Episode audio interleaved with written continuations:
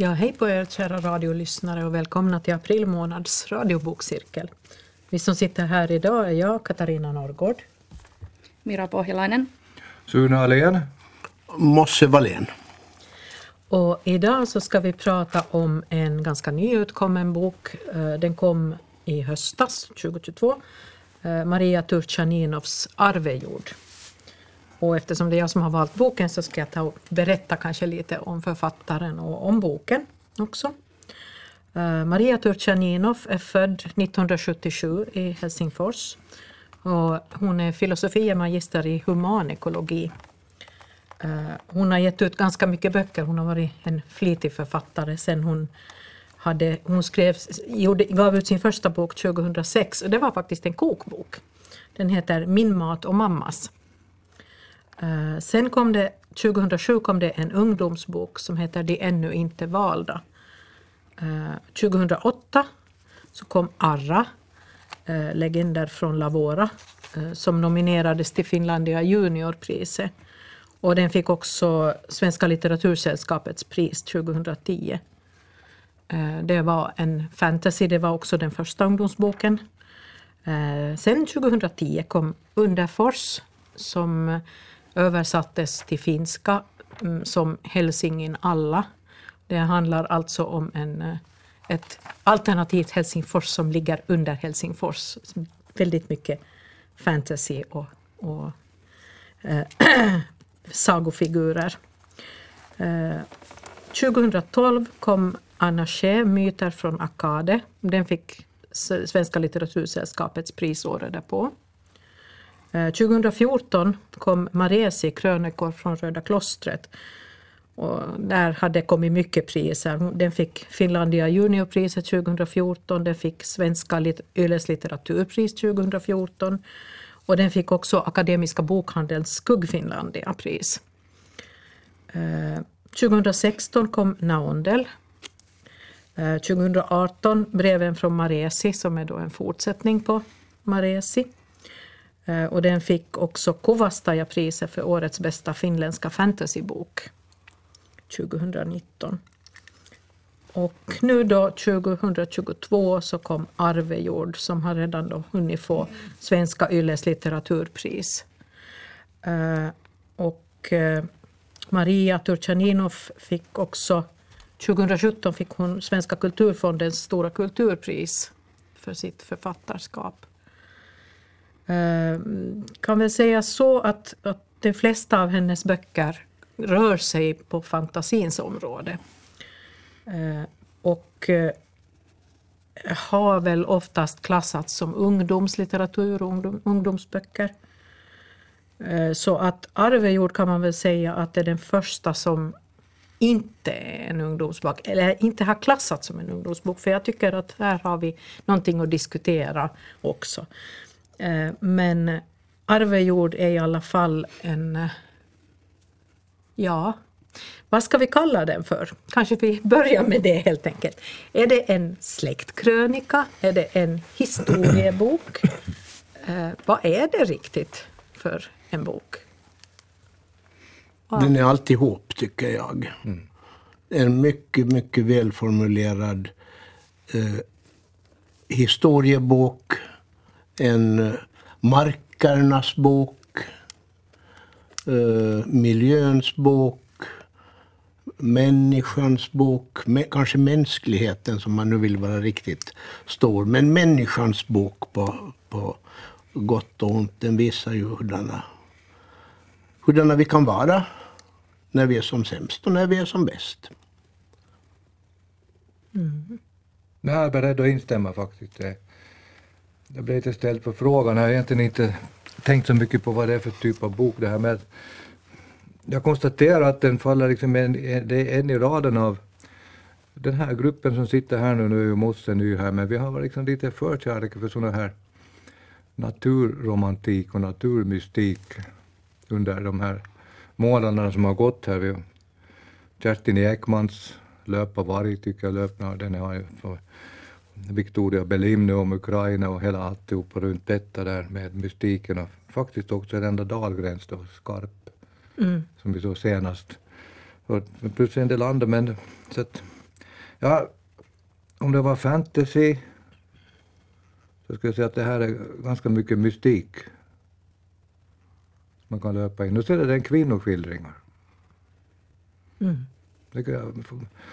Jag, läste den här ganska snabbt faktiskt, tyckte mig igen. Vanligt, jag fick lite tidsnöd, men, men det var en sån där reflektion utan att närmare ha något belägg för det. Jag tycker att den, den koncentrerar sig ganska mycket på olika kvinnor, den här också. Mm. Jo, det gör den ju, fast jag tycker Mm. det, är, det, kommer, det, det är ju inte så att den, alla personerna i den, alla de här viktiga personerna är kvinnor. Men, men de här, hur ska vi säga, de som är riktigt starka, det är kvinnorna oftast. i det här. Och det är de som har den här, ganska mycket av den här anknytningen till det här naturmystiska. För, för det kan vi väl konstatera att nej, det är inte en fantasybok det här. Men, men mystik, som Sune säger, så är det verkligen. Att det är, det är någonting, den här naturen, den här miljön som, som är lite utöver det vanliga. Eller ganska mycket utöver det vanliga. Eh, och, och där verkar... Det känns ibland lite som att männen kommer lite till korta mot naturen. In, inte alla, det ska jag inte påstå, men, men många av dem. Och kvinnorna har, har lite lättare att hantera det här. Mm. Vad säger Mira? Du sitter och funderar här. Säger. Ja, jag försöker lite formulera mina tankar eller kanske närmast då var jag ska börja men eftersom jag egentligen har väldigt mycket att säga om den här boken men jag hittar inte riktigt en röd tråd i mina tankar. inte heller när jag höll på att läsa den här och markera lite ställen som jag tänkte var bra. Um, men den är ju lite sån här, det står ju här att det är en förtrollande episodroman som handlar om plats, tillhörighet och samhörighet. Uh, det är inte bara människan som har rötter i landskapet, landskapet har djupa rötter i oss. Och jag tycker det är faktiskt en ganska bra sammanfattning på vad den här boken också handlar om. Att det börjar ju där på 1600-talet uh, på en gård i Österbotten. Och vi följer ju den här samma gård och naturen kring det ända till 2000-talet. Och något som jag lade märke till att trots att alla de här karaktärerna och berättelser hänger ihop, men varje kapitel är ju som en kort, kort berättelse. Att man kan också läsa de här enstaka kapitel som nästan som noveller. Jo, Att man kunde liksom ta på måfå vilket som helst kapitel i boken och läsa det som en självständig liten berättelse och man skulle förstå ändå vad det handlar om. Och det tyckte jag var väldigt spännande. Att ändå fanns det, fanns det de här hänvisningarna till vad som hade hänt tidigare som man sen liksom, att när man hade läst tidigare berättelsen om de här karaktärerna så man plockade upp den där hänvisningen i nästa berättelse. Och det var väldigt många väldigt vackra och också sorgliga bitar där hon har skrivit riktigt bra. Så, som, som sagt, jag har mycket att säga om den här boken och det känns inte så, inte så lätt att formulera det helt enkelt. Men hon är, är ju väldigt, väldigt, väldigt välformulerad. Jag tycker att det är sällan jag har sett en, en så välformulerad finlandssvensk. Jag tycker att det här, var, det här är stundtals så är det bara njutning och man kan plocka ut enskilda meningar och, och det är vackert. vackert. Som här. Känslan av lätthet lämnade henne inte. Eller var det kanske till och med, eller var det kanske tom hon var? Eller fri? Eller alldeles ensam i världen? Det är stort, tycker jag. Det är så här man, jag vet inte. Sen så är det ju spännande det här med att se, om vi börjar på 1600-talet och det, det handlar väldigt mycket om kanske en, en eh, det är lite folkloristik också över det hela. Och, och eh, folktro som kolliderar med gudstro. Och folk är lite så här, man har nu lite sitt, sitt mystiska å ena sidan och sen så, så eh, rids man eh, lite av, av kanske skam inför det som kyrkan lär ut. Att får man nu titta, jag tänker betyder det där någonting? Och vi, offrar vi någonting till mossen eller mm. gör vi så här? Så att, att man märker att, att folket levde i Herrans förmaning eh, ganska hårt hållna av, av vår kyrka under ganska långa tider. Sen tycker jag det som kanske är väldigt kul är att hennes språk utvecklas eh, så här att från tid till annan. Hon låter språk, tiden bestämma språket. Mm. Om ni tittar hur den som jag tror är hennes mammas, Kristin Sarukka, eh, som är den näst sista före hon själv så att säga tar över gården, mm. så är det en, en eh, ganska typiskt eh, välformulerad, lite naiv skrift av en 13-åring. Ja, jo. Mm. Och, och, det roar mig att, att, att, att det är så och att hon har följt språket genom århundraden. Alltså, mm. Man märker att ja, hon är duktig. Hon är en fantastiskt duktig, duktig skribent. Det står en sak, får jag fråga Mosse? Du, läser, du, du är journalist? Ja. Eller vad jag, jag vet jo, jag är journalist. journalist. Men om lyssnarna inte vet det så vet de det nu. Och eh, kan du se något sånt här journalistiskt språk i någon del av den här? Kristin Tahnulka var ju också journalist. Mamman till Maria. Mamman, ja, och pappan. Och pappan likaledes, ja. Peter, ja. Uh, uh, kan man få liksom av sina föräldrar någon hon form av språk? Hon har ju själv också jobbat som frilansjournalist, Maria. Precis, ja, ja. ja. Jo. Nej, men det här kanske var ett hugskott. Nej, jag, liksom, jo, nej jag, tyck, jag tycker ju att, att hon har gjort ett mycket grundligt arbete och eh, ibland är det så med väldigt god faktainsamling och, och uh, grundligt eh, utforskande av källor och så vidare att man märker det i texten. Man märker att det är, att det är ett hiskligt jobb bakom det. Det märker man inte här. För där, då, och då blir det stor litteratur. Hon har, hon har säkert forskat mer än vem som helst i hur man uttryckte sig och vad det fanns för hit och dit. Hon har sådana ord också, lite dialektala ord. Och här döljer sig ett fruktansvärt arbete. Men man märker inte och det ger jag henne en stor eloge för. Jag vill inte, jag vill inte märka att man har gått i arkiv och hållit på, utan det ska bara fara så här. Det tycker jag hon lyckas hon är, hon är bra på det. För det, Jag håller helt med dig Mosse. För, för uh, ibland, en del författare tycker om att just att göra en sån här infodump. Att liksom, se nu hur mycket jag har tagit reda på. Hon faller aldrig i den fällan. Nej. Nej. Den som gör det, tycker jag, om man hoppar till en, någon annan, en annan författare, är Kjell Westö. Mm verk, jättebra böcker, men jag märker att han har gjort ett fruktansvärt researcharbete. Mm. Och jag vill inte veta av det. jag tänkte nästan när du tog en paus där innan du sa författarnamn, jag tänkte du säger Jan Guillou. och i alla fall den sista i hans stora långa serie av den här 1900-tals. Ja. som handlar då om, ja det är en genom, säga, han har gått igenom nazismen, han har gått igenom nazistiska protokoll, han har gått igenom allt. Han berättar ju i TV också hur tusan svettigt det var det här researcharbetet. Ja. Och när man läser boken så, så, så då, då, känner man svetten där, för att den liksom, ja. det, det, är nästan som att man ibland har skrivit av på något vis. Mm. Så jag, jag, har samma tanke och känsla att jag retar upp mig på det där då. Ja. Ja. här är det inte. Sen var det intressant, en sak bara, jag ska försöka vara lite tyst, jag pratar för mycket kanske ibland, men du nämnde det här med kyrkans tukt och förmaning och pli och alltihopa på 1600-talet. Och, och, här är hon väldigt skicklig, liksom, hon visar, och även längre fram, 1700, med just den här mystiken och den här mossen.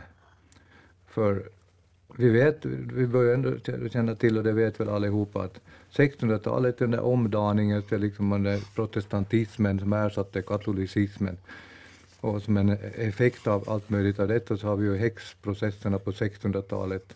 Och vad är det annat än att man tror på det övernaturliga, det som finns någonstans som inte kyrkan kan formulera annat än i vissa bibeltexter från Gamla testamentet.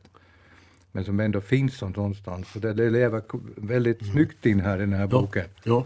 ja. Det, det, det, är en, det, det, är också en sån här mellan raderna historiebok. Mm. Jo.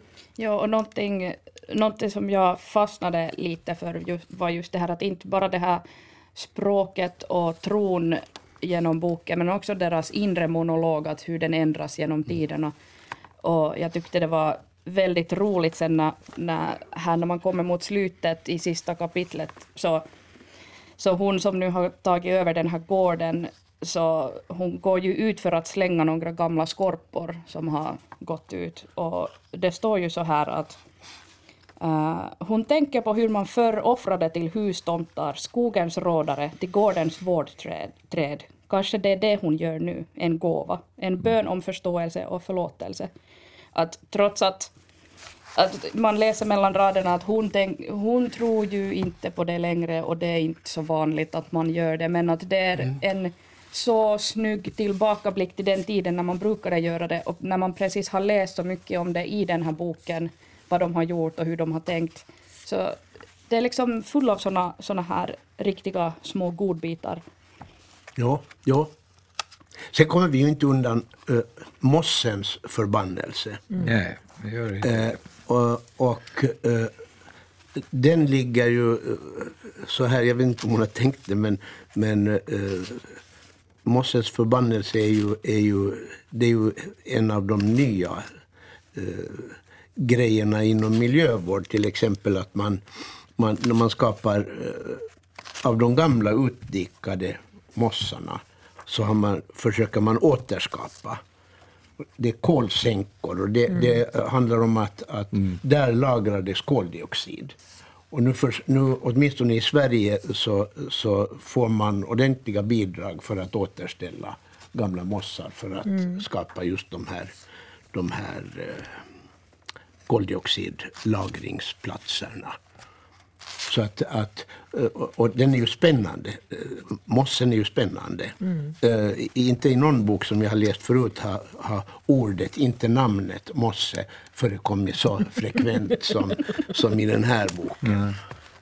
Ja, det är alltså det, jag tycker det, egentligen kan man väl säga att mossen är en av huvudpersonerna jo, här. Jo, Egentligen, jo. För den har liksom ett eget liv. Jo, jo. Och, och, den har verkligen en personlighet. Jo, och den har klarat sig genom, genom alla dikningar de här, och... Jo, jo genom ja. alla de här, vad, eh, vad blir det nu, 300-350 år ja. någonting som, som den här boken omfattar. Och ja. det är ju bra och ingen, det har varit på väg. Och i början var det ju, de började ju redan där i första delen. Ja. Men det gick ju på tåg. Ja, hon väver in det också väldigt snyggt när man tänker på... Det finns en sån här ja, erotisk underton, och kanske inte ens underton, att den är ganska tydlig också. Jag kommer inte ihåg vilket århundrade, för det går ganska mycket in i varandra här när jag läste den. Men, men den här blomman som växer där, den här säregna som de sen egentligen inte hittar heller, om jag kommer rätt på ihåg, mm. så, så får det en viss betydelse i detta att hon ska den som är huvudpersonen då liksom ska få tillfälle att vara med den där som bota, botanikern eller vad han nu är. Mm. Så, och det är ju liksom en sån här stark jo. drift på ett eller annat sätt. Drift så att säga till det som finns där som man inte riktigt vet men som man tror att finns. Samtidigt som det finns inom huvudpersonen i det avsnittet själv också. Så att det, det, det är så skickligt gjort faktiskt. Det var det jag ja. reagerade på. att man väver in de här Ja. Ja. Och då är ju mossen igen den här, mm. du säger. Ja. Ja. ja. Drivkraften där. Ja. Jag tänkte på det faktiskt för, för jag vet, jag har ju följt Maria Turchaninov i ganska många år så här. Mm. Följt med hennes, hennes skrivprocesser så gott det nu har gått. Och, lite.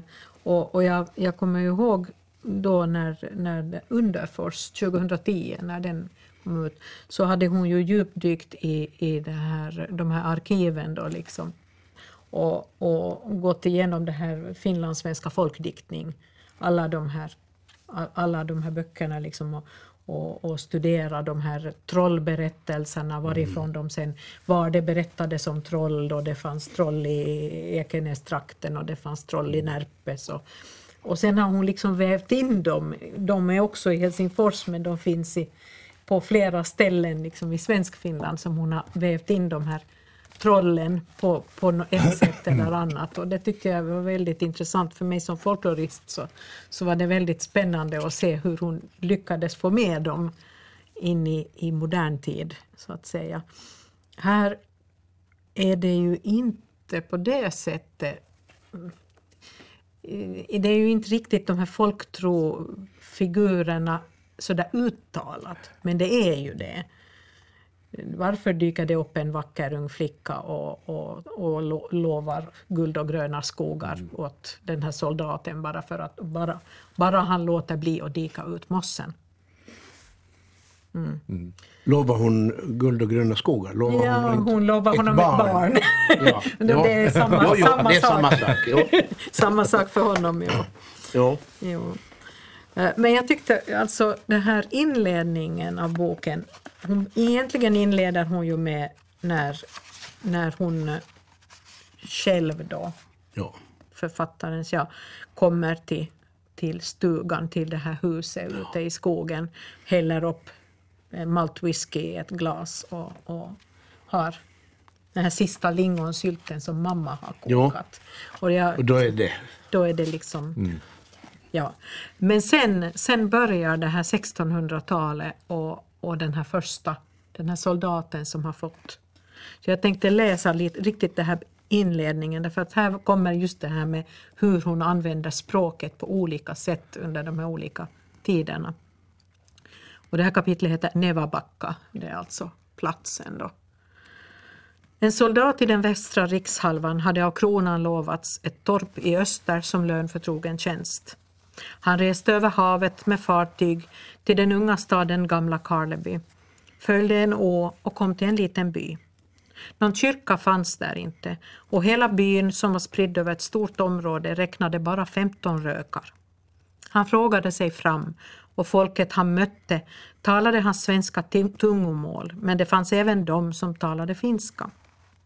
Längst bort i socknens östra kant låg marken som nu var hans att bruka. Han visste att själva stugan skulle han få bygga själv, men det bekom honom inte alls. Skogen han gick igenom var tät och mörk, helt olik de lövskogar han själv kom ifrån. Här fanns virket i en präktig stuga. Trädens toppar susade som havet han korsat då han drog ut i krig. Han hade gjort väl ifrån sig i kriget, vunnit officerares och andra knektars tillit och respekt. Men han var inte född att döda och plundra. Han var född till att hålla en spade, en hacka och en plog. Han kunde känna redskapen i sin hand medan han vandrade. Här, det som fascinerar mig, hon, hon nämner hur stor byn är. Den räknade bara 15 rökar. Mm. Där det, det är liksom direkt här har hon satt tonen och, ja. och man förstår precis. Men ingen människa idag skulle använda ett sånt uttryck. Nej, nej, nej, nej. Hon använder många sådana väldigt bra, som jag antar är eh, lokala gamla uttryck. Det kan det vara. Som hon kanske har. Men, men ja, hon, hon är skicklig. Vi sitter här och berömmer henne och hon förtjänar allt beröm. Jag, eh, och som någon av er sa här att man, det här är ju, man kan läsa dem, skulle kunna läsa dem som de kunde ges ut som tunna noveller. Mm. Mm. Och de håller. Ja, det är just det, att varje kapitel håller. Jo, ja. jo, mm. jo. Det får mig, ibland får den mig att tänka lite på den här Karin Erlandssons hem. Den, den var ju också, rörde sig över århundraden och, och gjorde olika. ett nedslag här och mm. där med olika personer. Men den är, an, den är annorlunda, den knöt liksom ihop runt en sten. Den här knyter ihop runt, en, runt en bit jord. Egentligen. Mm. För det är, det är Ja, Neva, stenen går ju att göra Ja. så här. Ja. men Nevabacka det ligger där det ligger. Ja. Och är lika mycket som mossen är det en huvudperson egentligen. Ja. Ja. Ja, sen en, en tema som jag också märkte genom den här boken, att precis den här kapitlet som du lite läste nu, Katarina, så han, den här karaktären beskriver ju att han var ju inte född att döda och plundra, han var född att ha, liksom, eh, gräva med en sp- spade och allt möjligt. Och det, det kommer också i väldigt många kapitel att någon av de här karaktärerna har riktigt stor passion för någonting. Att för en är det att eh, stoppa fåglar och för en är det att måla och, och att det kommer väldigt många såna, såna här karaktärer som verkligen brinner för någonting. Och allt det är också så vackert uttryckt. Och också det här att det, det, har, det har lite varierande form av, eh, av skrivande här också. Att det är ju ett kapitel som är endast brev från en, från en flicka till en annan flicka.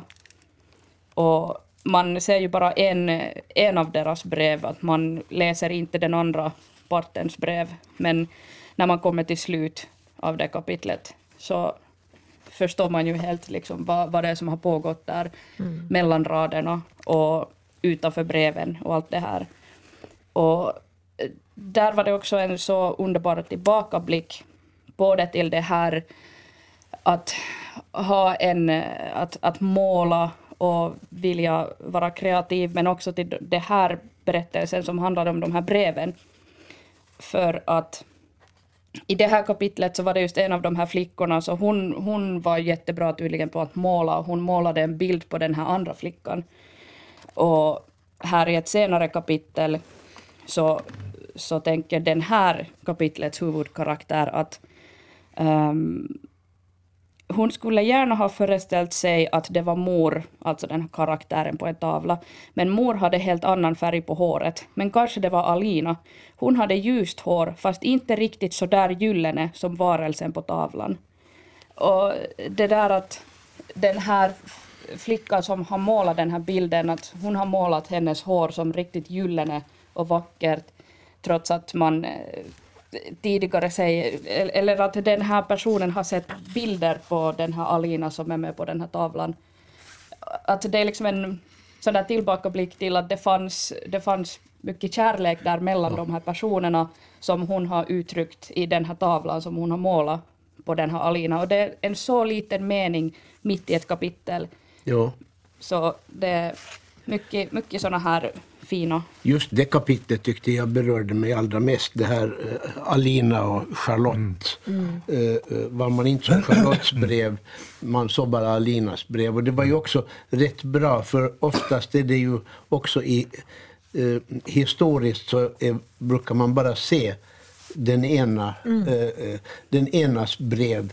Eh, eh, Det har alltid hänt någonting med de andra breven. De har försvunnit eller någonting sånt här oftast.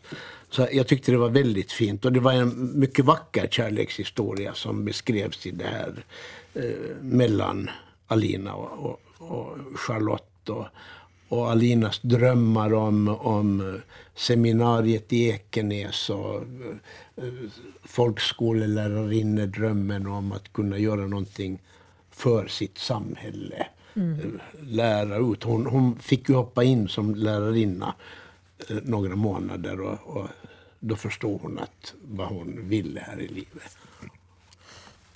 Jo. Eh, Jag har, eh, jag fick en, en viss förkärlek för, för den kartritande Antja, måste jag säga.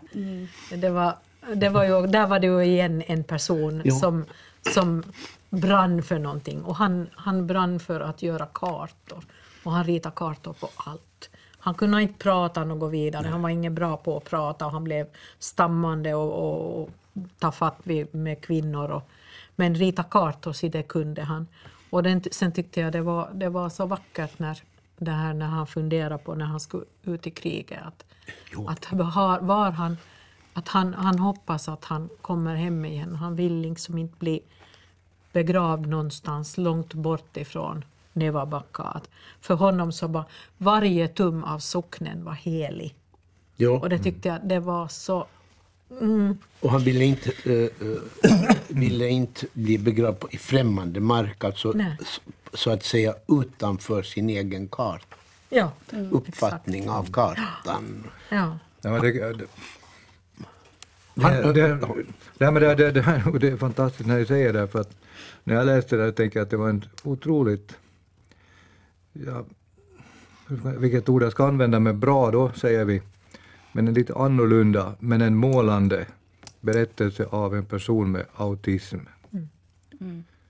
Att man får en förståelse för att det finns en värld, så att säga, inom en person som tar sig uttryck i någonting så speciellt som man koncentrerar sig på. Det, det är kanske helt fel tolkning. Om Maria Torsaninov lyssnar på det här så kan hon ju kanske sen komma och rätta. Men, men det är ju så här med böcker att man, man tar, läsaren tar till sig det man läser och den referensram som jag har. Så blev det. Jag tycker det var en... Kan man liksom beskriva en persons sätt att vara i sin egen värld, den världen lever i, på ett så vackert sätt, så då bör man läsa det. Så det, det liksom blev en, de kanske inte alls hade den målsättningen utan det var bara en, en beskrivning, men så här kan man tänka det Ja. också. Om, om det var någonting jag saknar här i boken så är det en sak. Jag skulle ha velat ha haft en, en antritad karta över hur gårdarna låg i förhållande till varandra och till mossen och Ja, kanske stämmer. till eh, gamla Karleby eller någonting sånt här. Var stranden var, Ja. dit, dit de cyklade. Och, ja. Ja. Och det var ju i, det är ju fortfarande, vi talar om Insjö, Finland. Jag, jag hittade, tyckte jag, en, en sån, vi som bor, i, eh, vid, bor vid stranden och eh, åtminstone inbillar jag mig uppfattar havet som eh, en, e- inte som något farligt utan en enande. Du hoppar på en båt och så ror du till Amerika eller till, det, det är möjligt så här teoretiskt, eller till Australien. Men här kommer någon av de här, en liten pojke som hade följt med sin far till Gamla Karleby flera gånger och sett havet. Och han tyckte inte om det. Och jag tyckte det var så fint beskrivet för han, han skriver så här att han, han funderar så här. Det var stort, allt för stort. Det tog aldrig slut. Man var utlämnad och naken invid det. Vem som helst kunde se en. Vinden grep tag i en och det fanns ingenstans att gömma sig för den. F- för, de, för inlandsmänniskorna Ja. så måste det här vara... eh, Jag fastnade bara för det här för jag tyckte det var så eh, väl beskrivet och det tog mig eh, som älskar havet och tycker att havet det, det får mig att andas och, och så här horisonten är det vackraste som finns. Men eh, och så kan man också uppleva det på det här sättet. Precis. Jo, det är ju definitivt en inlandsbeskrivelse, det, det får man ju verkligen säga. Det är mossen och sen så cyklar de långa vägar och så kommer de till en, en stor sjön, tror jag den hette, och där var, Ja. de skulle, var det fanns badstränder och lite så här. Jag föreställer mig, alltså när jag läser det här så föreställer jag mig alltid att de far till Säljesåsen. För den ligger i Nedeve till och där finns det insjö, liksom vatten. Jaha. Det är ett sånt här fint badställe. Men, Okej. men nej, det kanske inte riktigt är Säljesåsen. Men, men jag föreställer mig att man far dit i alla fall. Jo. Det känns rätt. När du en gång inne på det som man saknar då, det här är väl en brist hos en själv. Men jag, jag fick liksom lite besvärligheter där på slutet. Jag tänkte, vem är vem här nu? Alltså, ibland så har jag läst böcker liksom, så börjar man med så finns det liksom en sån här liten släkt, vad man ska Ja. kalla det, utredning nästan. Och det går inte riktigt att göra det här då liksom för att det bygger, det där måste ju vara en släktutredning på över mossen då. Men ändå på något sätt om man skulle ha fått dem, och jag tänkte skulle jag haft mera tid så hade jag satt mig ner. Och självrita. Jag börjar liksom att, jaha, den har, har rötter till den.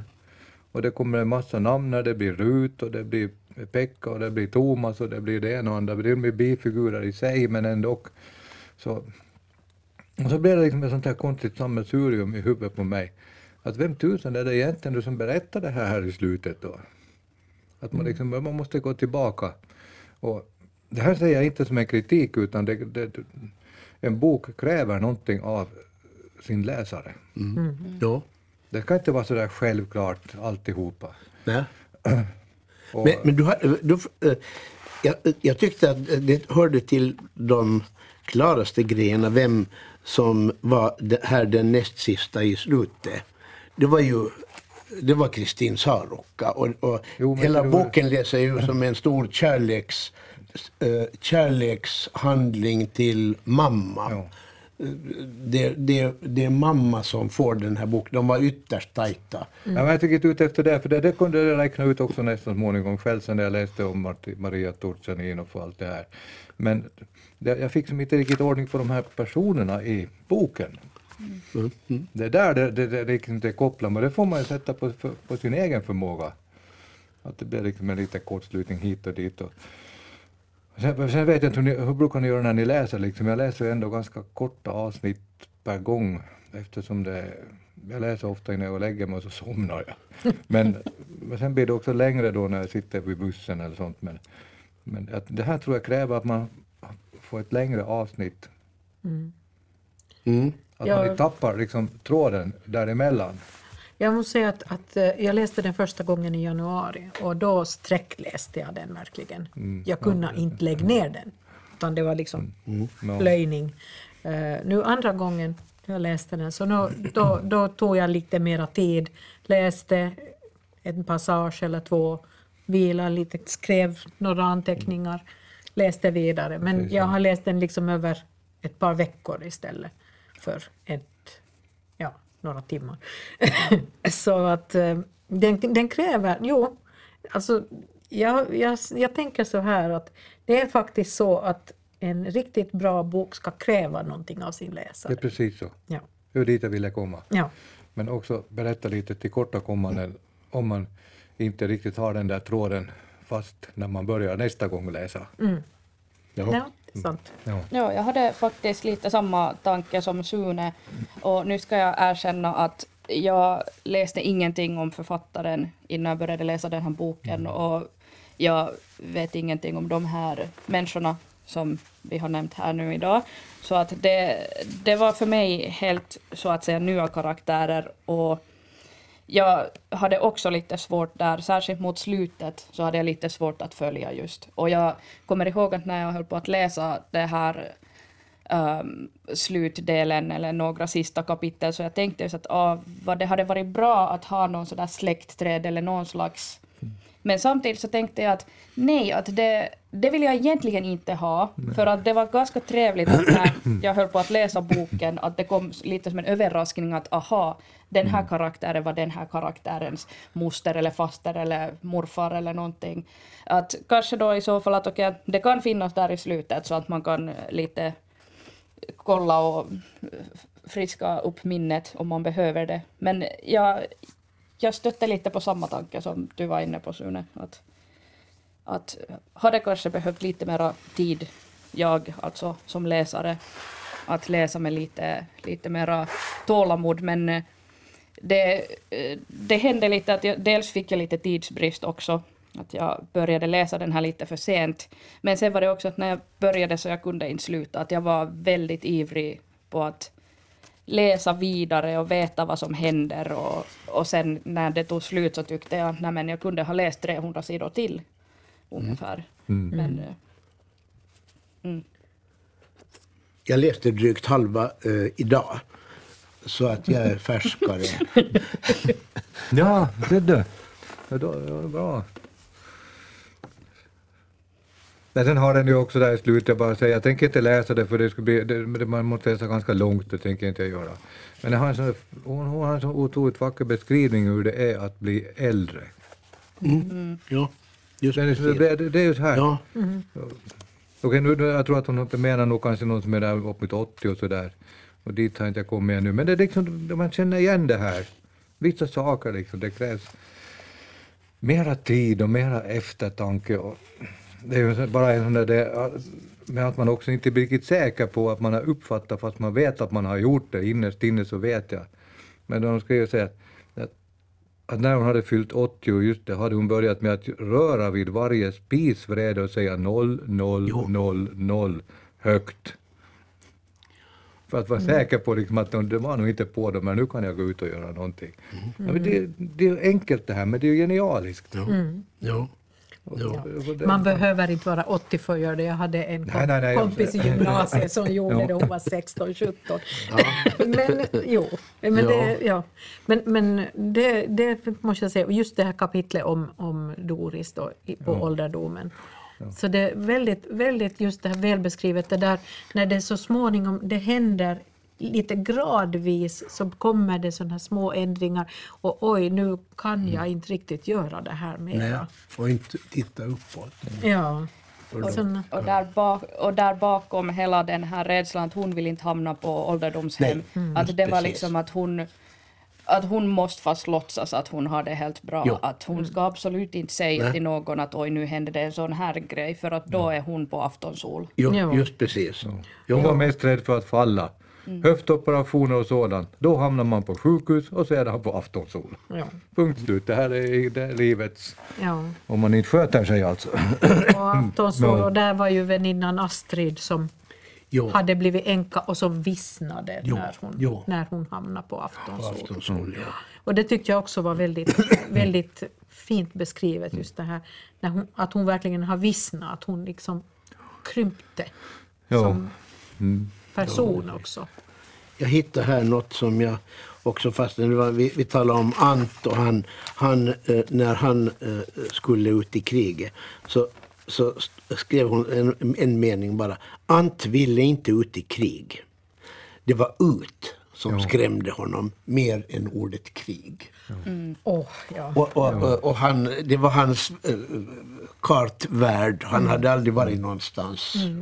Och, och, han, och då var han rädd för ut, det främmande. Ja, det var väl en bit efter det där han, där han beskriver att det skulle, vara, det skulle inte vara så farligt att om de kom hit, att då skulle han Jo. stå där och bes, Jo. för, försvara sitt, sitt hemland och Jo. han skulle göra allt i sin makt för att, för att slåss och allt det här. Men just det där att om, om han själv måste åka någonstans, så då, Jo. nej, det går inte. Eh, Ja. Eh, eh, sen märker man ju utan att, att man blir, eh, blir eh, påskrivande att, att här finns ju Finlands historia går så här som en skugga rörde sig någonstans. Och, och eh, så kan det väl eh, nog ha varit ute långt ute på landsorten utanför Helsingfors och Stockholm och eh, andra stora städer att, att historien rör sig. Man nämner det bara, eh, vet han ens vad kungen heter? Eh, Bla bla bla. Och det, liksom, det bara fladdrar rätt lätt förbi. Här, nu är kriget när Ant ska ut och så här men, men annars så går det, går det, det, det finns bara där någonstans den här, Det är väldigt långt borta. jo, jo väldigt långt borta. Jo, jo, det är sant. Det, det här kapitlet eh, om den här kaplanen under, under ofreden, Ja. där, är ju, där kommer ju liksom historien in på knutarna. Jo, jo. Eftersom kosackerna härjar, härjar i trakten och, och Ja. dödar folk och, och rövar bort barn. Och, jo.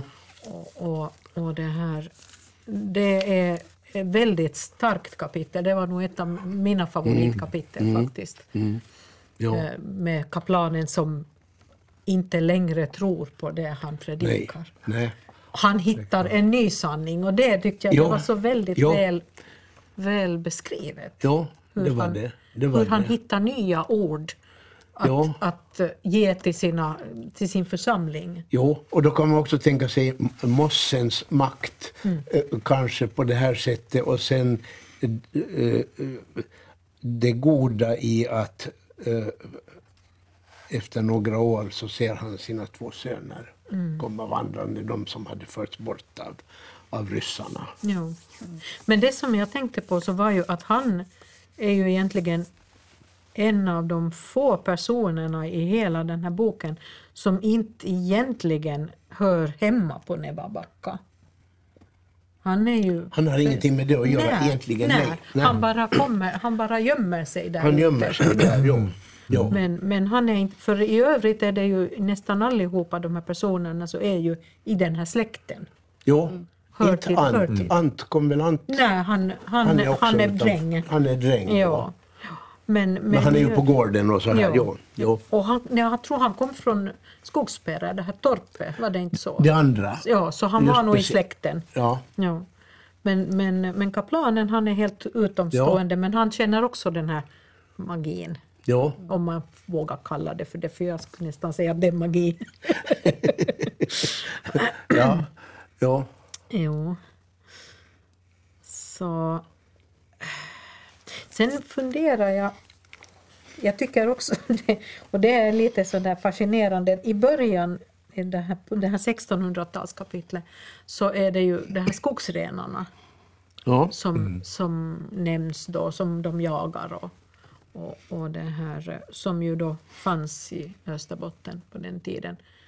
Eh, Sen var de ju borta, men i slutet på boken Ja. dyker det upp skogsrenar igen och det är ju ett faktum att de har kommit tillbaka. ja. Vad hette hon? Doris Brid? Doris, det var Doris Ja. som, ja, Just som precis. trodde att hon hade börjat se i synen. Jo, just precis. Men då eh, hade man inplanterat eller någonting sånt här och så hade det kommit över från De har Ryssland. vandrat vandra Ja. söderut också. Ja. Men sen var ju en, en stor eh, fundering, jag vet inte vem det var som funderade, eller om det var författaren eller om det var eh, var man... Eh, ta, ta, ta, ta. Eh, Eller om det är då den som jag kallar, som jag tror att, att eh, var, var mamman, vad, man talar om att, att vad, vad händer, vad skulle vi som skulle mänskligheten kunna försvinna? Hon skriver i en sån här. Vi skulle kunna försvinna. Kanske är vi redan på väg att göra det. Så många andra arter har ju gjort det. Varför skulle vi människor vara annorlunda? Men platsen försvinner inte. Den förändras, men den finns kvar. Och det tyckte jag blev så stort att jag tänkte ho. Men, men det är en, en, en, en av de här stora en av mänsklighetens stora frågor. Att blir, vi, blir vi kvar som, som art? Kan vi bli kvar som art eftersom vi, efter allt vi har förstört och eh, andra arter har försvunnit och så vidare? Kommer det, kommer det en dag då vi har förstört så mycket så att, att vi som art också försvinner? Kanske. Är det möjligen det som gör att... Jag tror inte bara vi som har lyckats, lyckats inom citat att välja de här böckerna med lite naturmystik och sånt, utan det produceras ju, det skrivs ju mycket just den, ja, det är i den här genren Ja. av, av frågeställningar om naturens makt och människans roll i den hela, liten eller stor. Och, och så, jag tänker nu tillbaka lite på Kerstin Ekmans och koncentrationen på den där vargen, som ju också får en lite överhistorisk, över tid betydelse för tänkandet. Jag tänker till och med på, vi hade ju den här eh, Knausgårds morgonstjärnan. Ja, Där är det också, den, den, den, det den rör ju lite Ja, vid det är, samma... det är bara lite, den rör ju Nej, otroligt okej. mycket för den handlar ju om ap- apokalypsen mer eller mindre. Ja. Den stora apokalypsen, ja. Ja. ja. Och- Men där är det också med naturen som... Ja. Jag tänkte retas med er här lite för eftersom det är jag som ska välja nästa gång att, att jag skulle ta den här vars namn jag kommit på del två nu, trean också, det är en 800 sidor. Okej. Jag kommer ihåg reaktionen när jag valde Morgonstjärnan. Ja. Ja. 666 sidor. Ja. Ja. Nej, men det, det, Om det är bra så spelar det väl ingen roll. nej, nej, absolut Nej. inte. Nej, det, det, det, det är en av de böcker jag läste fortast av alla vi har haft nästan. Jo. Men, men är det möjligen så att just författare, liksom övriga människor, är så intresserade nu av den här lite existentiella, det har man alltid varit, men att liksom mera nu, att vad är det som naturen säger oss? Det, Ja. Jag vet inte, det är bara en retorisk fråga. Ja. Men det, det, det är en, en bra fråga, jag vet inte. Det, är- alltså det, det går ju trender i allt, eller trender, jag vet inte om man kan kalla det en trend ens. Men det, teman återkommer. Och, och, och ibland blir man förvånad för någon författare ger ut en bok och ungefär samtidigt kommer en annan författare någon helt annanstans ut med en bok som liknar väldigt mycket. Och, och det, ja, vad det beror på, eh, det är ju svårt att säga men ingen, ingen författare lever väl i ett vakuum. Ja, men det är lite samma med det här också, att man, man gärna har en förkärlek över att beskriva en, en tidsepok då. Jag tänker de där fantastiska böckerna av Ken Follett. Han beskriver tre stora tegelstenar.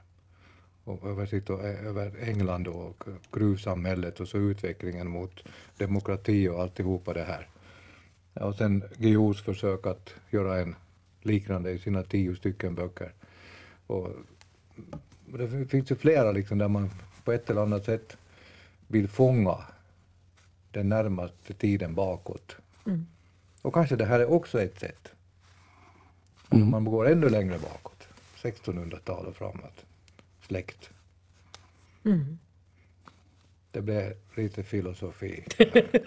Ja, det är lätt hänt att man blir filosofisk över den här arvejord faktiskt. Jag tror att för egen del så kommer det att bli en tredje läsning på den ganska snart. Ja, jag tyckte när jag stängde boken igår kväll att jag ville börja om direkt, men klockan var så mycket att jag var tvungen att börja sova. Men jag, den, den här väckte så otroligt mycket tankar och känslor att jag måste nu läsa om den väldigt snart och just med gott om tid så att jag verkligen kan smaka på de här orden och kanske ta bara ett par kapitel här och där. Att det, den, den här kan nog hamna åt, åtminstone liksom i, i topp på böcker som jag läser i år, men också ganska högt upp på de som jag någonsin har läst, kan jag nog säga. Ja. Jag tror att vi avslutar diskussionen för den här gången. Vi var rörande eniga om att eh, Maria Turchaninos arvejord är definitivt en enorm läsupplevelse för i år. Så jag rekommenderar alla radiolyssnare att låna den, köp den, men läs den. Det är världens bästa bok just nu. Precis.